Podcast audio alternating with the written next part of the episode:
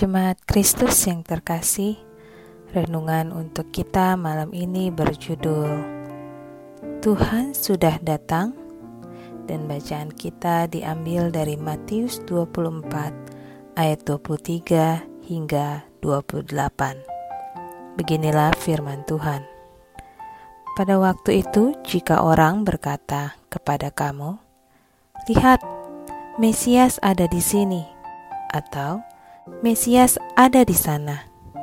Jangan kamu percaya, sebab Mesias-Mesias palsu dan nabi-nabi palsu akan muncul, dan mereka akan mengadakan tanda-tanda yang dahsyat dan mujizat-mujizat, sehingga sekiranya mungkin mereka menyesatkan orang-orang pilihan juga.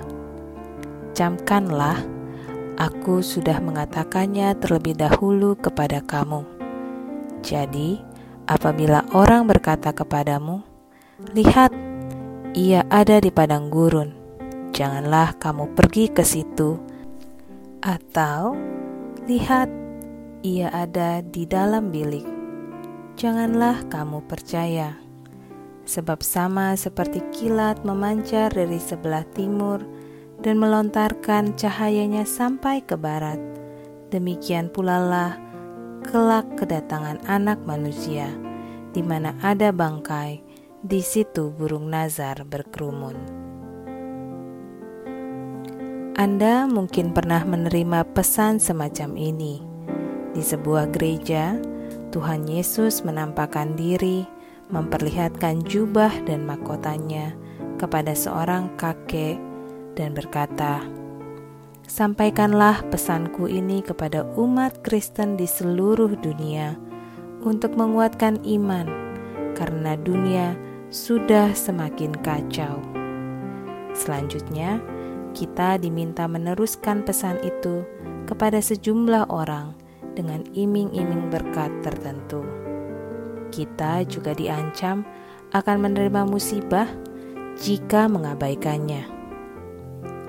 Alkitab mencatat Kristus akan datang yang kedua kalinya pada akhir zaman.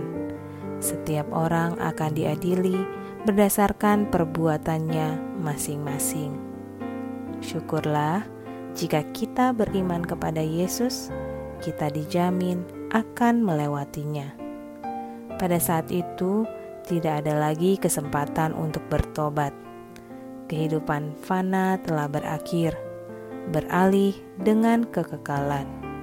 Di satu sisi, kedatangannya kembali seperti pencuri, tidak dapat diperkirakan waktunya.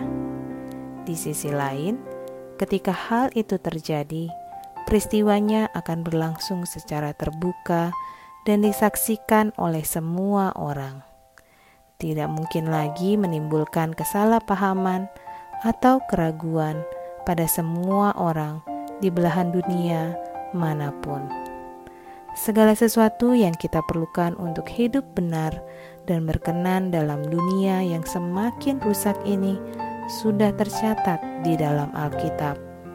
Marilah kita memohon bimbingan Roh Kudus untuk mengenali pesan yang selaras dengan kebenaran.